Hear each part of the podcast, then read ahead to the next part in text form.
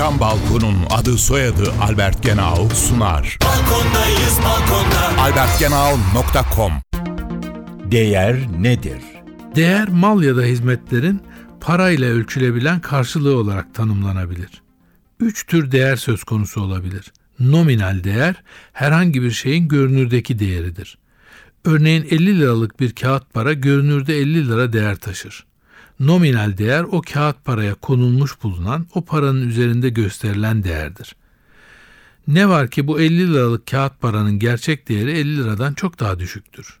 Bu paraya harcanan kağıt, mürekkep, baskı giderleri toplandığında karşımıza 50 liradan daha düşük bir değer çıkar.